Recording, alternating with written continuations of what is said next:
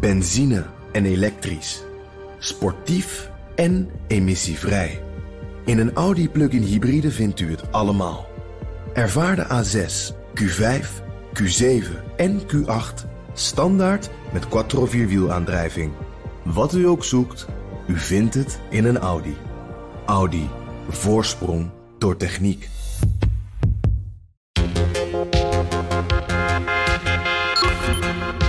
Het lijkt er nou meer op dat uh, de Russen het alsmaar meer.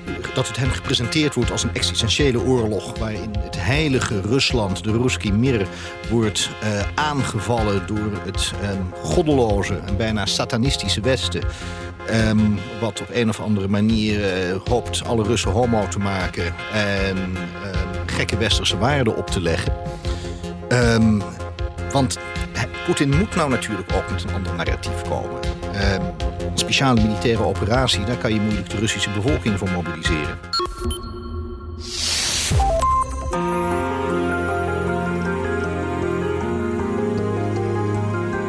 Je luistert naar De Stratege, een podcast van BNR in samenwerking met het Den Haag Centrum voor Strategische Studies. Mijn naam is Paul van Liemt. So, good morning to you. It's 7 o'clock in the UK, 9 o'clock here in the Ukrainian capital Kiev. Our breaking news this morning it's war.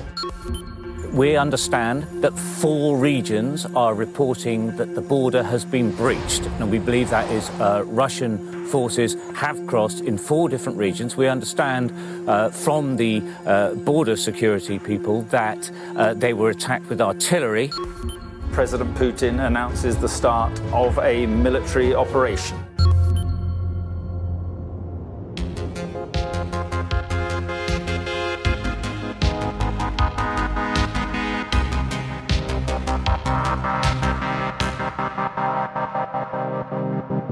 Oorlog in Oekraïne duurt inmiddels een jaar. De Oekraïners hebben dapper weerstand geboden tegen de Russische agressie die op 24 februari van vorig jaar begon met een inval vanuit vier kanten. Analisten zijn het erover eens dat Rusland cruciale inschattingsfouten heeft gemaakt. Welke waren dat precies? En wat kunnen wij in het Westen leren van deze oorlog met het oog op de toekomst? Want dat de oorlog nog wel even gaat duren, ook daar zijn veel mensen het wel over eens. Ik bespreek het in deze aflevering met kolonel Han Bouwmeester. Hij is universitair hoofddocent militaire strategie en landoptreden aan de Nederlandse Defensieacademie. En Frederik Mertens, militair historicus en strategisch analist bij het Den Haag Centrum voor Strategische Studies.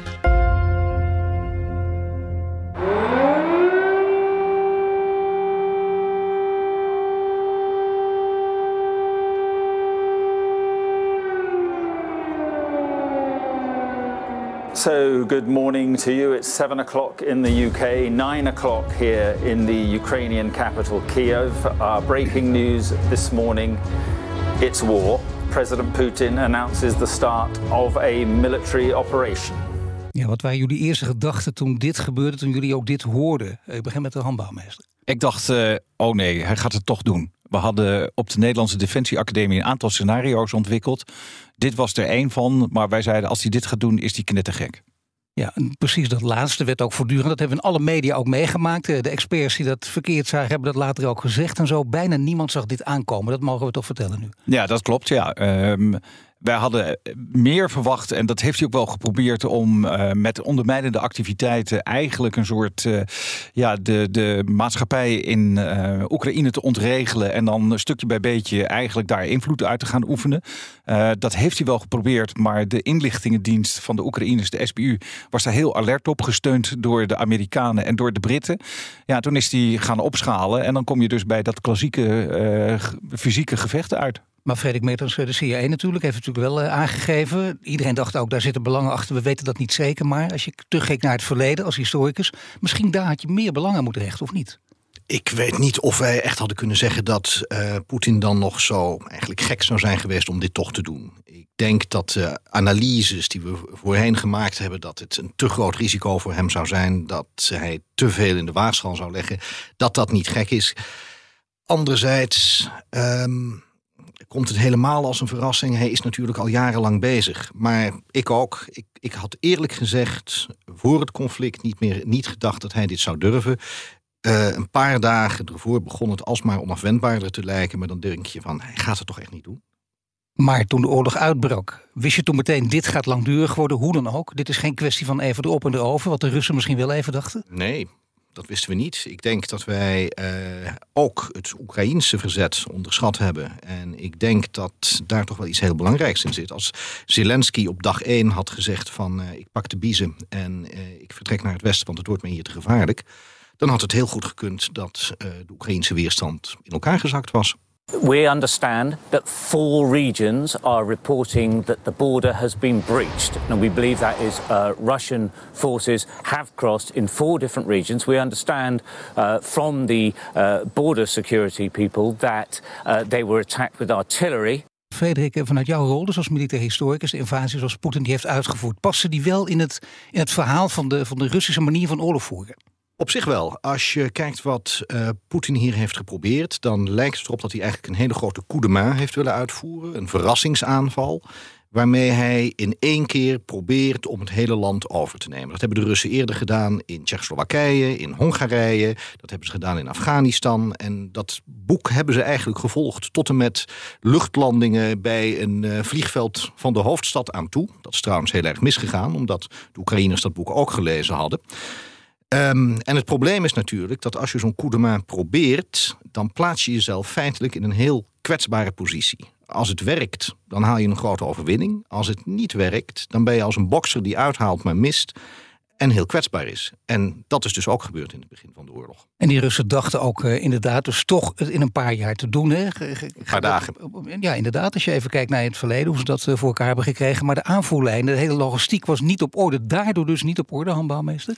Nou ja, wat je ziet, eh, zeker in dat begin, uh, ten eerste die luchtlandingsactie bij Hostomel, dat vliegveld in, uh, in de nabijheid van Kiev, mislukt. En dat uh, 331ste Garde luchtlandingsregiment wordt compleet van, van de kaart gevaagd. Dus dat is al een streep door de rekening. die hadden dat vliegveld veilig moeten stellen om bevoorrading te kunnen gaan garanderen. En ze hadden vanuit die positie heel snel Kiev in moeten trekken om de regering uit te schakelen. Is niet gebeurd. Wat ze dan vervolgens doen is vanuit Belarus uh, douwen ze een hele grote kolonne naar het zuiden toe. Om uh, op die manier maar in Kiev te komen. En ook en, uh, vanuit, het, ja, vanuit de Oekraïne geredeneerd uit het noordoosten lanceren ze een hele lange aanval. En die aanval, ja, dat mislukt omdat het A, logistiek inderdaad niet te trekken is. Maar de bescherming is ook niet aanwezig. En zeker als je heel lang stilstaat met zo'n grote kolonne.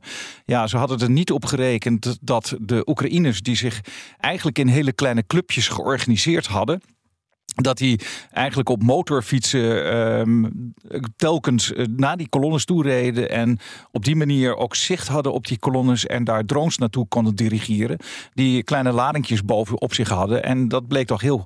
Dan, dan blijkt toch ook dat zo'n T-72-tank heel kwetsbaar is. Maar is het niet heel gek, juist nu ook terugredenerend, dat de Russen ook zelf uh, maar van één scenario uitgingen.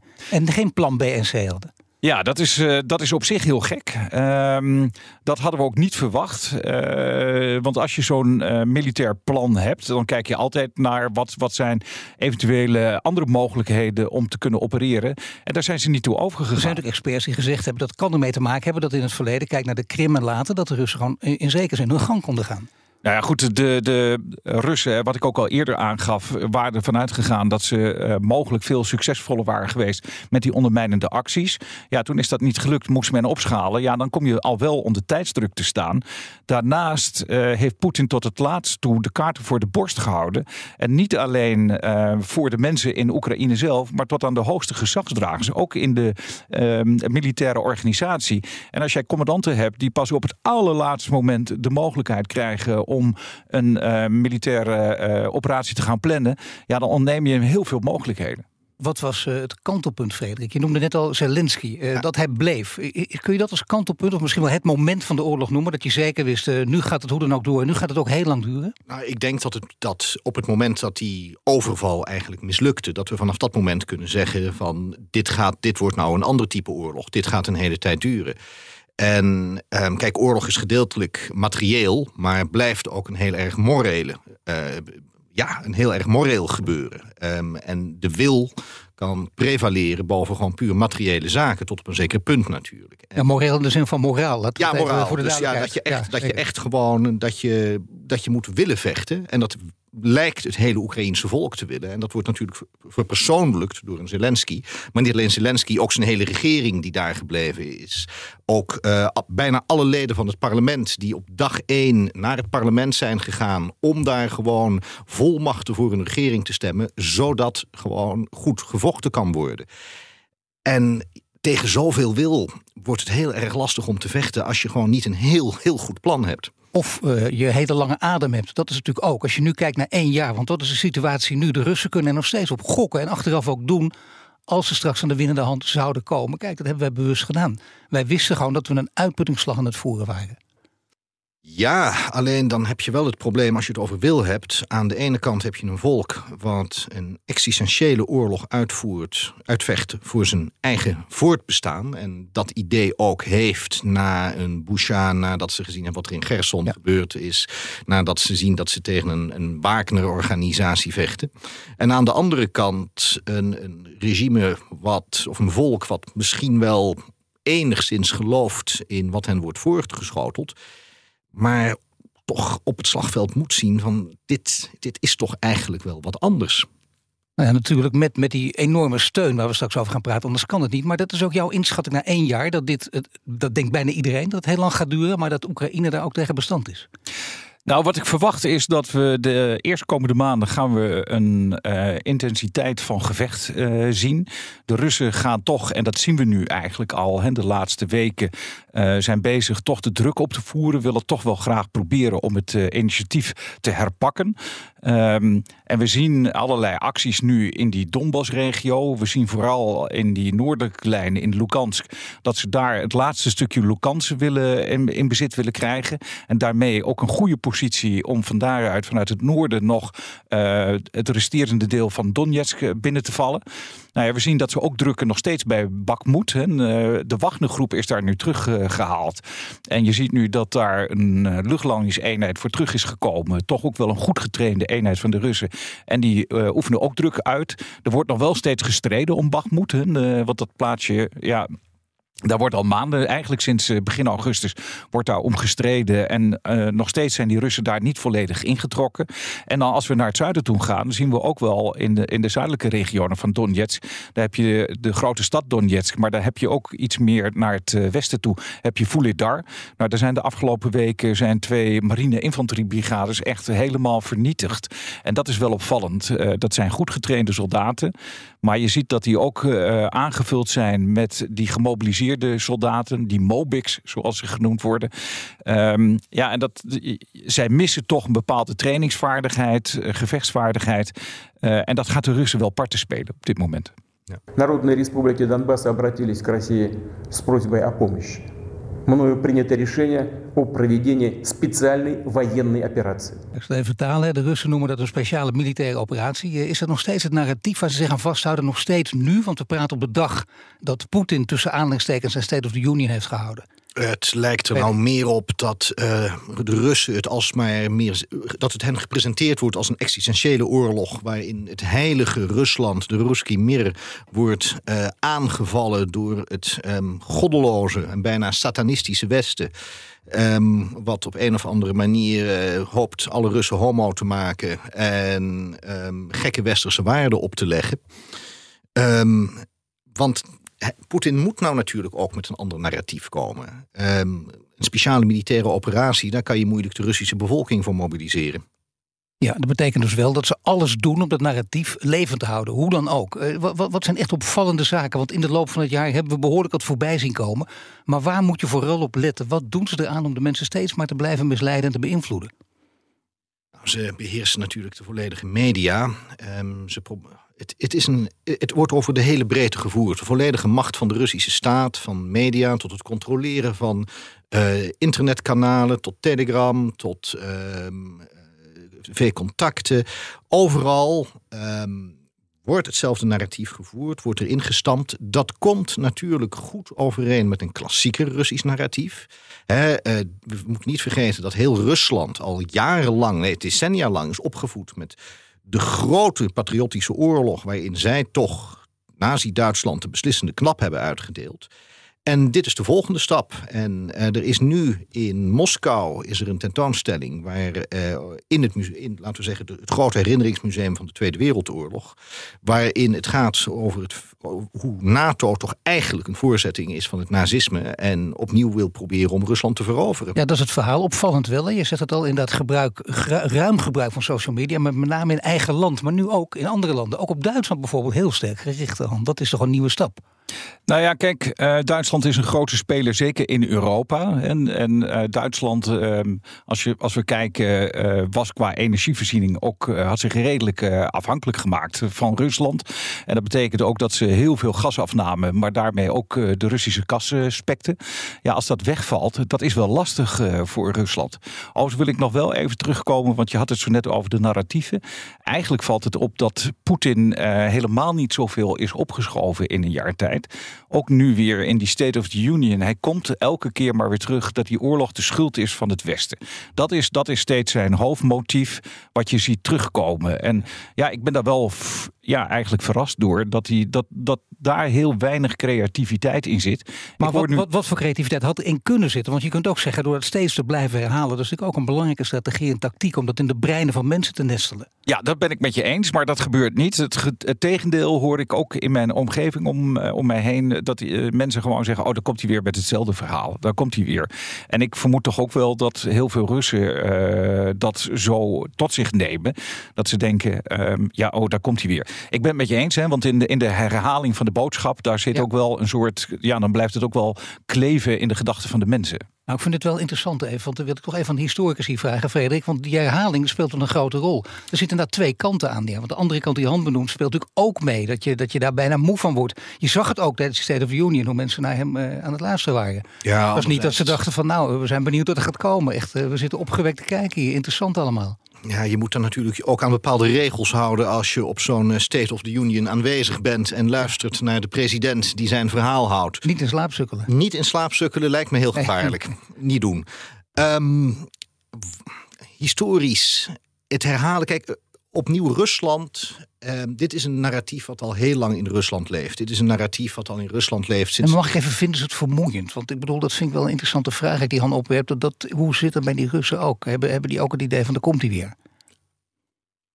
Eerlijk gezegd, ik weet niet in hoeverre ze dat vermoeiend vinden. Ik denk wat wij zien van de, van de Russische bevolking... er zijn onderzoeken die erop lijken te wijzen dat ongeveer 15 globalist wordt genoemd door de Russische regering zelf, dus pro-westers. Dat 10% is nihilist, het kan het allemaal geen bal schelen, dus die zullen het wel vermoeiend vinden. En de rest zijn loyalisten of nationalisten in verschillende vormen. En ehm, het is een verhaal wat continu erin gelepeld wordt. En langs alle kanten erdoor gedrukt wordt. Dus ze zullen er enigszins, ze zullen er wel vermoeid door raken. Maar aan de andere kant denk ik dat als je genoeg, genoeg blijft duwen, dan krijg je het er doorheen. Maar... hij is zelf ook aan het duwen en, en vooruit aan het kijken steeds. En dan wordt het steeds gevaarlijk als het gaat over die rode lijn. Hij waarschuwt voortdurend voor de rode lijn. Maar eigenlijk lijkt het op uh, ja, wat aanvallen na... nooit tot echte consequenties te leiden. Tot nu toe. Dus de rode lijn, als je hem nu overschrijdt, dan... altijd in het achterhoofd, wie weet, die nucleaire oorlog die gaat ervan komen. Ja, nou ja, dat is natuurlijk heel gevaarlijk. Een heel gevaarlijk spel spelen. Um, het probleem is dat wij dit spel ook Rusland moet dit spel opnieuw leren, maar we moeten het allemaal opnieuw leren. Want dit is natuurlijk iets wat in de Koude Oorlog gelukkig geen schering en inslag was, omdat het verschrikkelijk gevaarlijk is. Maar Poetin is nou eigenlijk een beetje is vanaf het begin aan aan het bluffen. Als wij vanaf het begin aan zijn spel hadden meegespeeld, dan hadden wij niks gedaan om Oekraïne te steunen. En dan zouden wij nu een jaar later in een heel andere wereld zitten. Dat hebben we niet gedaan. Wij zijn stukje bij beetje. Eigenlijk hebben we dezelfde salami-tactieken toegepast. die Poetin eerder in 2014 bij ons heeft toegepast. En daar zit wel enige poëtische rechtvaardigheid in. Maar wij hebben telkens gezegd: van nee, um, wij moeten toch deze steun bieden. Wij durven deze steun te bieden. En... Maar wij moeten af en toe dus ook een grote mond opzetten. In het begin ging het over escalatie en kijk ermee uit. Zeg, nu denk je, nee, de escalatie aan beide kanten. En het is gewoon rauwe, echt rauwe machtspolitiek. Het is machtspolitiek, het is ouderwets weer die deterrence, die um, weten wat de ander wel of niet zou durven. En dat is gedeeltelijk poker. Alleen het probleem is, we zijn poker aan het spelen en we kennen allebei de regels niet meer heel goed. En we willen vooral allebei niet dat het misgaat. Maar dat is een inherent gevaarlijke situatie. Ja, een, een cruciale factor bij deterrence en bij dat hele, die situatie van afschrikking over en weer. Wat heel bepalend daarin is, is de communicatie. En de communicatie kan in daden zitten, maar kan in woorden zitten. Uh, en daarin zitten ook allerlei signalen die je uitzendt naar je opponent toe. En die moet dat wel eruit weten te lezen. En dat is maar de vraag of we dat nog over en weer kunnen. Dat is heel cruciaal in deze. Nou ja, het gaat over militaire strategie, wat je niet voor niets ook doseert natuurlijk. Voortdurend, er zullen ook vragen van studenten komen. En die komen misschien met hele onbevangen goede vragen. Misschien wel betere vragen dan je ooit de media tot je afgevuurd krijgt. Dus ja, misschien is, is dat ook weer aan het denken. Want dat verandert ook, dat ontwikkelt zich ook, militair strategisch denken. Maar zijn we wel weer terug bij die, bij die rauwe machtspolitiek? We zijn terug bij die rauwe machtspolitiek. En, en dat zie je ook. En in het Westen, vooral in Europa, hebben we daar nog wat moeite mee. Uh, in die zin, uh, we zijn veel idealistischer geworden. Uh, wil ik ook wel even in de herinnering roepen dat we de laatste 100, 120 jaar is natuurlijk Europa is de, ja, het gebied geweest waar twee verschrikkelijke wereldoorlogen zijn uitgevochten. Het was het beoogde theater waar ook mogelijk de Koude Oorlog fysiek zou worden uitgevochten. En de Europeanen die zeggen van dit hoeven ons niet meer. Wij willen die slachtoffers niet. Uh, het is genoeg geweest met elke keer maar vechten. Uh, maar dat brengt ook een soort idealisme op gang en ook een soort wensdenken. En als je dit soort signalen ziet in het begin, dat je een beetje van wegkijkt. En ik denk dat we dat vooral in Europa heel sterk gedaan hebben. Ja, dat wensdenken was ook vooral dat we een, misschien wel een, een, betere mens zijn geworden. Dat we zelfs dat ook dachten. En dat het zonde van het geld was om al dat geld naar die wapens te geven. Hadden we allemaal niet nodig. Dat, dat is echt bijna kinder, kinderlijk. Nou ja, dan heb je het over Europa, maar dan zou ik het specifiek op Duitsland hebben. Waar toch echt weer een hele harde ja, learning curve nodig is. Om weer te leren denken over wat strategie is. Ja, Duitsland heeft daar op dit moment heel erg moeite mee. Kijk, er zit sowieso een... Pas... minister als Beerbok die bijvoorbeeld wel zegt... ik heb een, een, ja, draai, van, een draai van 180 graden gemaakt. Ja, maar Beerbok is wel een beetje uitzondering. Die, dat, dat, die is ook wel hardliner geworden. Uh, maar het zit met name in Scholz en in de SPD. En ik, ik wil mij verder niet met Duitse partijpolitiek uh, inlaten. Maar je ziet sowieso een pacifistische onderstroom in Duitsland. En er zit ook een, nog steeds een hele grote schaamte uh, in Duitsland... over wat er met de Tweede Wereldoorlog is gebeurd. Ik zie dat ook bij collega's van mij, Duitse militairen. En ook zeker in politici. En dat is heel sterk aanwezig in die SPD. Dus Scholz zit ook heel moeilijk. Hè. Die moet elke keer balanceren. Aan de ene kant uh, wordt hij in, in Europa naar voren geschoven. Wordt Duitsland in Europa naar voren geschoven. Als een van de belangrijkste spelers. Maar intern uh, moet hij ook de mensen en ook zijn eigen kiezerspubliek moet hij wel gunstig stemmen. En daar zit een hele sterke pacifistische onderstroom in. Tuurlijk, dus heel lang natuurlijk als sympathiek en heel beschaafd gezien. Maar veranderende omstandigheden leiden dus dus ook tot, tot andere kijk. Een andere Nederland is nu een heel wat fellere havik dan uh, de Duitse adelaar. Ja, nou ja, dat horen we zelfs bij uh, minister van Buitenlandse Zaken Hoekstra inderdaad. Dat zich dan hard opstelt, zich eigenlijk weinig van, van wel of geen escalatie meer aantrekt. Is dat dan verstandig? Nou ja, ik denk het wel. Want op deze manier geeft, Duitsland, geeft Nederland Duitsland ook een bepaalde hoeveelheid rugdekking. als Nederland uh, iets maar meer... Nederland dan niet een te grote broek aan? Klein landje doet het toch niet toe? Nou, wij kunnen er best wel wat toe doen. Wij zijn een middelgrote natie. Wij zijn eigenlijk de kleinste van de grotere in Europa en de grootste van de kleinere. En door onze economische kracht en nauwe banden met Duitsland kunnen we wel degelijk iets in beweging brengen. En dat hebben we de laatste. Neem bijvoorbeeld de tanks. Daar hebben wij toch degelijk een, eh, een belangrijke rol gespeeld. Ja, ik zie Han ook eh, meeknikken, dus ik wil hier nog tegen ingaan, maar dat laat ik maar even lopen dan. Dan is, het, dan is het natuurlijk, ik zei het al, 21 februari dat wij dit opnemen. Kan er van alles gebeuren, maar we zien wel dat er steeds werd gesproken over een lenteoffensief. We zien ook wat er gebeurt, de verhalen dat de Russen door hun voorraad tanks heen zijn. Dat wij bijna door onze, door onze munitievoorraad heen zit, zitten. Als we dat op een rij zetten, Han, de situatie van nu, wat kun je dan voor de nabije toekomst verwachten? Nou ja, goed, uh, munitie is altijd een hele kritische succesfactor. En je ziet dat er enorme hoeveelheden per dag, per week worden verschoten. En het is maar de vraag of we, dat, uh, of we daar tegenaan kunnen produceren. En ook al is het er en kun je het maken, daarnaast moet je nog wel zorgen dat het ook bij de eenheden aan het front komt. Dat is natuurlijk een tweede factor in deze. Even terug, uh, wat kunnen we verwachten? nou, uh, er is recent een rapport van IISS, het International Institute Strategic Studies. Die heeft dus gezegd, laten we nu eens een keer heel goed gaan kijken hoeveel tanks heeft Rusland nu nog. Want er werd gegoocheld met cijfers, 10.000 of 15.000, waarvan dan weer niet, uh, waarvan ze wisten dat dat uh, een deel niet inzetbaar meer was. Nou, dat IISS is tot de conclusie gekomen dat er nog een kleine 3000 tanks bij de Russen waren bij aanvang van de oorlog, dus een jaar geleden. En daar zijn nu zo'n 1200 tanks van vernietigd. Dus niet meer inzetbaar. Dan blijft over nog 1800 tanks. Dat is nog fors. Maar daar zitten ook wel heel veel verouderde tanks maar bij. dit soort cijfers kunnen we ook echt serieus nemen. Want het blijft ook in dit soort omstandigheden heel erg lastig om, om naar die cijfers te kijken en dit onderzoek ook te geloven. Ja, maar wat, wat, uh, dit schijnt volgens ook wel de inlichtingenanalisten toch wel redelijk dicht bij de waarheid te komen. Um, maar wat we zien is dat die tanks ook al verdeeld zijn over het front. Dat zijn niet tanks die nog ergens in een grote loods staan, die opnieuw ingezet kunnen worden. Dat is er dus niet meer. Dus uh, Poetin wil wel graag een offensief gaan inzetten, maar de vraag is waarmee? Nou, dan moet je goed gaan kijken. Um, afgelopen najaar is er een, een mobilisatie geweest.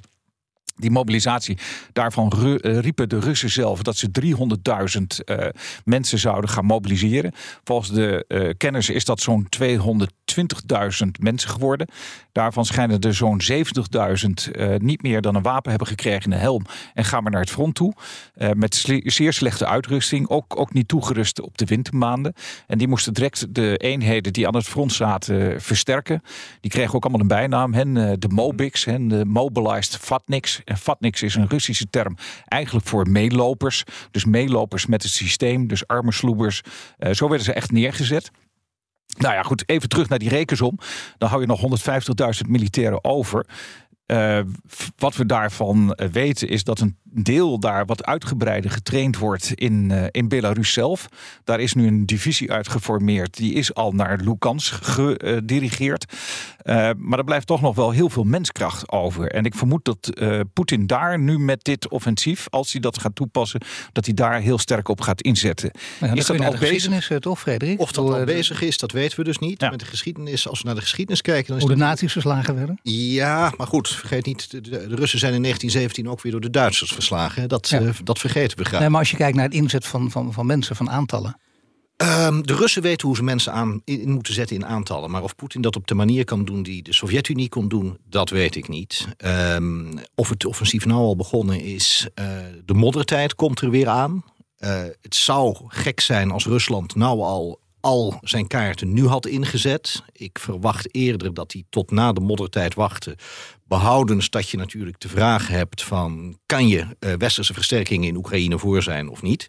En om ook nog even terug te gaan... kijk, oorlog is altijd een, een, een gebeuren waar twee kanten hun zegje hebben. En um, om Wellington te, para, uh, te parafraseren... hard pounding, gentlemen, let's see who can keep pounding the longest. Um, westerse voorraden raken op... Maar de Russische voorraden raken ook op. Er is een reden waarom ze naar Noord-Korea gaan om wapens te halen. Ja, Noord-Korea. Maar misschien een volgende stap China. Er was er vorige week die veiligheidsconferentie, die jaarlijks in München. Daar werd door een hoge, hele belangrijke ambtenaar, ook een Chinees, gezegd: Nou, dat gaat niet gebeuren. Uh, wij gaan die rode, die rode lijn niet over. Die rode lijn die steeds heel nadrukkelijk is uitgesproken door Jozef Borrell, de, de EU-buitenlandchef. Uh, die, die voortdurend roept: dat kan gewoon niet, dat gaat niet gebeuren. Maar ja, op dit moment hebben we al veel gehoord van wat er niet kan, wat niet gaat gebeuren. Gaat dat een cruciale rol spelen? Of denk dat, we hier, dat dit niet ga, ook echt niet gaat gebeuren, Han? Nou, weet ik niet, want op diezelfde conferentie, daar was ook de minister van Buitenlandse Zaken van de Amerikanen, Anthony Blinken. En ja. die zei van ja, wat ik zie is dat uh, China uh, Rusland uh, non-lethal support geeft. Hè? niet-letale ondersteuning. En de verwachting is dat het ook letale ondersteuning gaat worden. Toen zei de reporter nog, wat bedoelt u nou meneer Blinken? Want dit is wel heel mooi diplomatiek taalgebruik. Toen zei hij heel gewoon keihard, het gaat om wapens. Dat bedoelt hij met die le letale ondersteuning. Ja, maar hij had toch daarnaast nog een gesprek achter de schermen met deze heel hoge Chinese ambtenaar die dat daarna weer voor de camera ja. keihard ontkent. Ja, dat was met uh, Wang Chi. Hè. Die ja. wordt eigenlijk beschouwd als min of meer de uh, minister ja. van Buitenlandse Zaken. Eigenlijk uh, de topdiplomaat van de Chinezen. Ja, of, of de Chinezen dit daadwerkelijk gaat doen, weet niemand. Um, dus ja, ik ook niet. Nee, maar als ze dat daadwerkelijk doen, dan is het in ieder geval wel een, een, dat is een echte wereldoorlog. Nee, dan zijn we nog niet bij een wereldoorlog. Maar dan wordt de zaak wel gecompliceerder. Nee, maar de Amerikanen moeten waarschijnlijk hele duidelijke aanwijzingen gehad hebben... dat China dit toch echt van plan is of al aan het doen is. Ja. Want anders zouden ze niet zo openlijk hiermee naar buiten zijn gekomen. En op dat gebied is het goed te vergelijken met wat ze gedaan hebben... voor de oorlog in Oekraïne begon. Ja. Heel duidelijk intelligence naar buiten brengen om te laten zien... Rusland is bezig zich voor te bereiden op een oorlog. En ze kunnen zich ook beroepen dat ze het ongelijk hebben gehad. Ja, dat wel. Dit is een hele andere administratie dan, of tenminste een hele andere regering dan de vorige regering in de VS. Remind us that freedom is priceless. It's worth fighting for for as long as it takes. And that's how long we're going to be with you, Mr. President, for as long as it takes. Ja, dat herhaalt hij ook nog een paar keer. Dat was een hele grote, hele belangrijke sowieso dat hij daar was in Kiev natuurlijk, Biden. En dan bovendien deze uitspraak doen. Hij benadrukte dat, dat hij hoe dan ook, as long as blijft steunen. Maar dat Amerika doorgaat. Maar hij weigert vooralsnog met F-16's te komen of met lange afstandsraketten. Betekent dat ook uh, dat, dat daar het grote twijfelgeval zit en dat we die woorden as long as iets minder serieus moeten nemen? Frederik? Ik denk dat de Verenigde Staten de heel duidelijke strategische beslissingen hebben genomen om te zorgen dat Oekraïne deze oorlog zeker niet verliest. Op dat gebied, as long as it takes, kunnen we denk ik wel vertrouwen. Behalve als er een volledig andere regering eh, in 2024 aan de macht komt. Uh, of in 2025 moeten we dan spreken, dus dat duurt nog even. En dat zij ook eigenlijk een Oekraïense overwinning willen zien. Dus ik denk dat wij wel met enig vertrouwen ervan kunnen uitgaan dat de komende jaren de Verenigde Staten de Oekraïne, Oekraïne goed zullen steunen. Um, waarmee ze steunen, dat is dus uh, opnieuw die salami-tactiek. Kijken wat nodig is en hoeveel je verder kan gaan. Maar stel dat F-16's nodig zijn, eh, Han, en lange afstandsraketten, is dat dan niet een rode lijn, een echte rode lijn die gepasseerd is in de ogen van Poetin? Nou ja, goed, dat weet ik niet. Uh, dat kan alleen Poetin bepalen. En Poetin laat die lijn ook wel opschuiven. Um, om even ook terug te komen op de Amerikanen. Ik denk dat ze deze troef nog eventjes niet willen, uh, bewust willen uitspelen. Uh, wat we tot nu toe hebben gezien is dat zij over hele goede inlichtingen beschikken. Dat was al voor de oorlog zo, maar ook tijdens ja. de oorlog. En elke keer maken ze die afweging. En ik heb ook wel begrepen dat eigenlijk als je goed kijkt in het State Department, hè, hun uh, ministerie van Buitenlandse Zaken, uh, maar ook wel uh, dat er stemmen zijn in het Pentagon die eigenlijk helemaal niet zo tegen de levering van F-16's zijn. We moeten ook F-16's, moeten ook, escalatoren. Ja, zoveel zal het denk ik ook niet escaleren met F-16's. Want het probleem is, wat kunnen de Oekraïners ermee doen? Uh, het is niet dat ze zomaar dan luchtaanvallen in Rusland kunnen gaan uitvoeren, want daarvoor is de Russische luchtmacht veel te sterk en uh, is de Russische luchtverdediging veel te sterk. Ik denk eerder dat als er nu F-16's gaan worden geleverd, of wat voor een jachtvliegtuigen ook, dat die vooral een defensieve rol zullen hebben. Want we moeten niet vergeten dat uh, een van de grote overwinningen, overwinningen die Oekraïne heeft weten te behalen, het is een praktische overwinning, maar is dat ze erin geslaagd zijn om de Russische luchtmacht tegen te houden. En dat hebben ze grotendeels gedaan met hun luchtverdedigingssystemen, op een grondgebaseerde luchtverdedigingssysteem. Maar op een bepaald moment zijn die raketten natuurlijk op. En wat dan? En dan zouden F-16's misschien wel onvermijdelijk worden. Zou kunnen, maar dan nog verder kijkend, hoe lang kun je dit volhouden? Want van alle kanten horen we, ook in Nederland dus inderdaad, Hoekstra die dat zegt, we gaan er altijd maar mee door. Maar je kunt, wat is altijd een eeuwig? Dit kan tien jaar duren, dan ga je er dus ook tien jaar mee door. Dat is ook mogelijk. Ik bedoel, daar gaan echt heel veel landen onder zwichten natuurlijk en steunen. Nou ja, goed, uh, een van de scenario's die nu voor ligt, is dat er nog een behoorlijke clash gaat komen. Hè? Dat Rusland uh, dat offensief in de vorm van menskracht gaat inzetten. En dat mogelijk dan toch die westerse wapens op tijd zijn, dat uh, Oekraïne daar veel weerstand aan kan gaan bieden. Wellicht dat Oekraïne op een wat kleinere schaal ook nog probeert ook een soort tegenoffensief in te gaan zetten. Ja, en dan uh, zijn ze wel voorlopig door de menskracht en door de voorraden heen. En dan zul je, uh, zou mij niets verbazen dat je dan uh, overgaat naar een soort frozen conflict. Dat er voorlopig nog een soort frontlijn blijft bestaan. dat beide partijen nog geen behoefte hebben om naar de onderhandelingstafel te gaan. En hoe lang je dat volhoudt, ja, dat is aan de partijen zelf. Ja. Maar een, een endgame is, ja, Frederik? Hoe lang je dat kunt, vergeet niet, de Verenigde Staten geven een fractie van hun defensiebudget uit aan de oorlog in Oekraïne. En voor hen is het gewoon een hele goede investering. Hiermee wordt Rusland buitenspel gezet. En ja, god, dan gaan ze gewoon nog een hele tijd door. Ja, dan gaan ze een hele tijd door, dus dan is die endgame heel ver weg. Ik bedoel, dat is, dat, dat kan, je kunt ook niet opgeven, omdat natuurlijk die, die, steeds dat, dat verhaal van de, uh, de Russische geschiedenis die een grote rol speelt. Maar de, um, de, de westerse geschiedenis natuurlijk ook, die onze waarden en normen verdedigen. Dat hoor je ook in elke zin. Dus het is een hele grote ideologische strijd ook uh, gelijk, gelijktijdig. En die wil je zo lang mogelijk volhouden, want dan kun je niet door de knieën gaan. Nou ja, we willen hem eigenlijk winnen. Ja. Maar wat is winnen?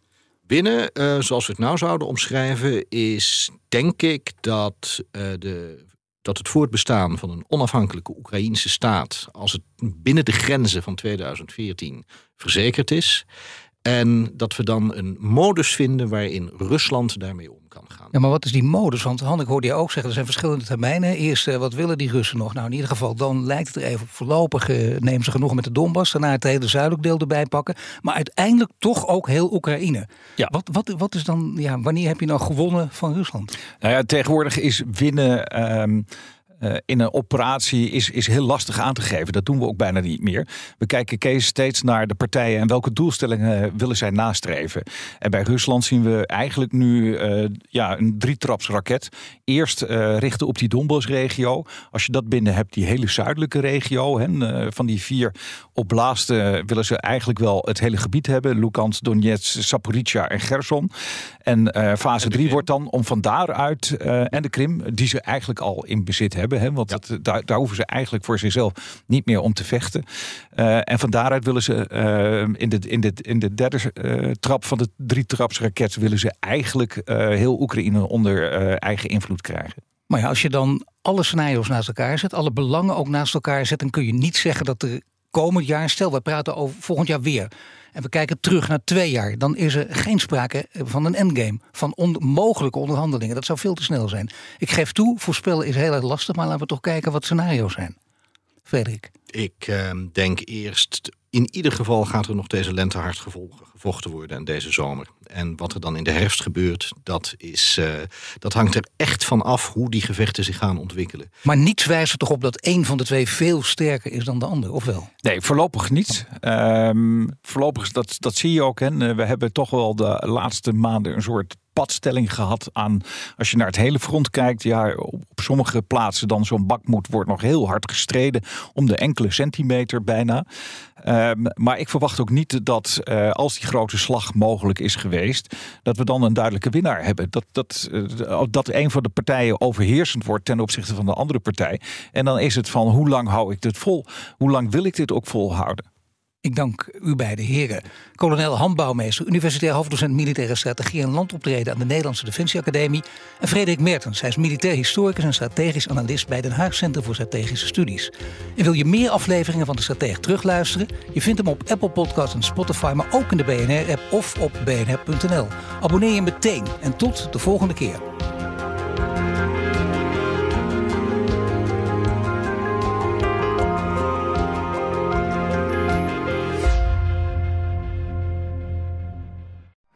Benzine en elektrisch. Sportief en emissievrij. In een Audi plug-in hybride vindt u het allemaal. Ervaar de A6, Q5, Q7 en Q8 standaard met quattro vierwielaandrijving. Wat u ook zoekt, u vindt het in een Audi. Audi. Voorsprong door techniek.